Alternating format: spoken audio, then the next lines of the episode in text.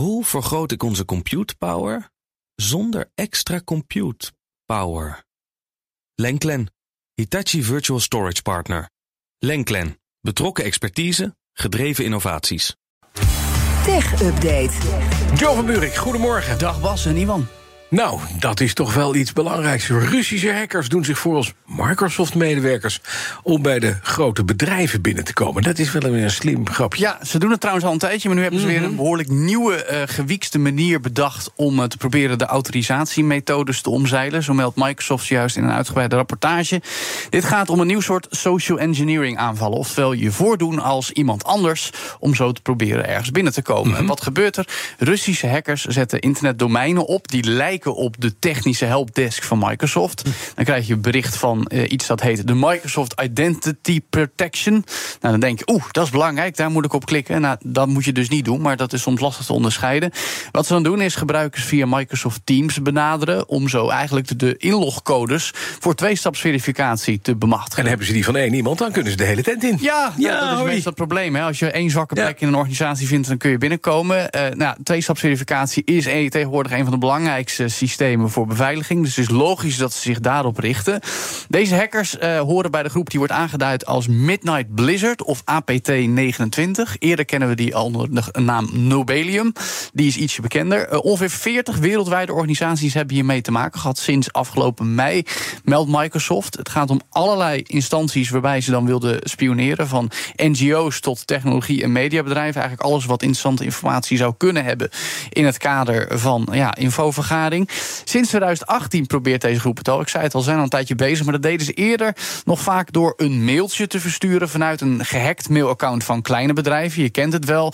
Een nou, mailadres van denkt, oh, dat is ook iets van Microsoft. Daar moet ik iets mee. Nee, ook niet doen. Maar goed, dat is dus inmiddels wel een beetje doorzichtig geworden. Deze nieuwe methode is uh, een stuk uh, gewiekster. Maar Microsoft heeft wel maatregelen genomen. Geprobeerd die domeinen zo mogelijk te beperken. Om te voorkomen dat ze hiermee nieuwe slachtoffers kunnen maken.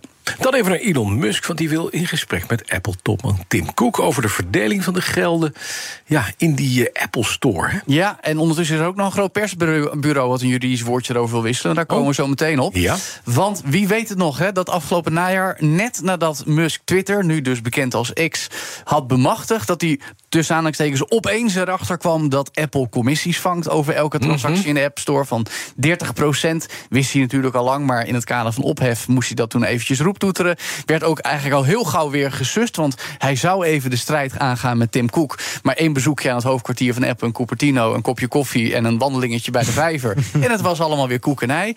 Maar nu is Musk toch weer boos over deze vaker aangehaalde Apple-tax. We kennen hem natuurlijk, want er zijn heel veel bedrijven die zich daarover opwinden. Um, omdat ja, gebruikers van Twitter, of X dus, betalen aan X voor een betaald account. XBlue heet dat immers tegenwoordig. Maar tegenwoordig wil X ook creators, dus mensen op wie je kan abonneren op dat platform, uitbetalen. En ook dan pakt Apple een percentage. Oftewel, de mensen waarvan Musk zegt: Nou, jullie kunnen geld verdienen op ons platform, krijgen minder omdat Apple ook een deel wil. Nou, Musk werpt zich dus nu op als de man die opkomt voor de creators op zijn platform. Zegt: Ja, het is mooi, hè? Hij heeft nobele intenties. Edeldoel. Wil dat Apple alleen 30% krijgt over de commissie die X weer krijgt over de betalingen Mm. die zij aan die creators doen. Bovendien wil hij dan ook nog goede sier maken door te zeggen: die commissie gaan we pas rekenen als een creator al 100.000 dollar verdiend heeft op ons platform. Nou, allemaal hartstikke leuk. Maar ondertussen zijn de rollen ook omgedraaid eh, vanuit een claim van persbureau AFP uit Frankrijk. Dat sleept X voor het gerecht, want ze willen daar niet praten over betalen voor het nieuws van AFP dat op X gedeeld wordt. Dat heeft dan weer te maken met een stukje Franse auteursrechtwetten. Die stelt uh, dat uh, online platforms moeten praten met uitgevers als het gaat om hun nieuwsverhalen tonen. Eigenlijk ja, de rechten voor het doorplaatsen Ja, ja, van precies. content. Mhm. Google weet hier alles van, is al jaren in strijd verwikkeld. Kreeg niet heel lang geleden zelfs een boete van 500 miljoen euro van de Franse Een markt. half miljard. Hou- Jazeker. Hartelijk dank. Eh, die moeten dat dus ook wel oplossen, Ja. willen ze ook. Eh, Facebook moederbedrijf Meta heeft ook al getekend voor een oplossing. Maar goed, AFP zegt X weigert om hierover het gesprek aan te gaan. Musk heeft uiteraard op zijn beurt gereageerd met een bericht op X... dat hij het bizar vindt omdat eh, volgens hem AFP meer bezoekers krijgt. krijgt om als er links op X staan en AFP dan advertenties kan draaien. Maar nu weet ik wel uit eigen ervaring van ruim 15 jaar in de media werken dat de referral rate, oftewel mensen die daadwerkelijk klikken op nieuwsheadlines op Twitter, is uitzonderlijk laag. Dus mensen gebruiken dat meer om koppen te snellen. Ja, dan heb je niet zoveel aan wat Musk Nee, zegt. Meneer Musk moet gewoon betalen. gewoon betalen voor de Gewoon content. klaar die je en betalen. AFP zet dat er toch zelf op? Eh, ja, maar daar wil je dan wel afspraken over kunnen maken. En het is. Nou, het- zou ik er niet meer op zitten? nee, maar volgens mij gaat. En het gaat dan ook weer over in hoeverre mensen dat dan weer Oh ja. delen. Kijk, dat is het verschil met Google. Dat heeft zijn eigen Google News showcase om dat dan weer uit te lichten. Eh, maar ja, de Franse wet schrijft voor dat er gesprekken over gevoerd moet kunnen worden. Dus dat hebben wij in Nederland dan weer niet. Oké, Dan, we hadden het al even over Meta. Eh, over AI is nog wel wat nieuws te melden. Ja, hè, maar we kunnen het ook gewoon horen. We gaan er wel rap doorheen, want het is eigenlijk een soort medley. En ik ga heel kort noemen wat je kan horen. Filmscène woestijn. Ja, klinkt best vredig. Eh, elektronische reggae, ook lekker. Ah, swingend. Gaan we over een beetje jaren 80 elektronische beat, een beetje disco-achtig. En nog een jazz met improviserende wilde piano. En we sluiten af met een beetje rustige hip-hop. Ik zie je kijken, Bas. Wat waarom- is dit?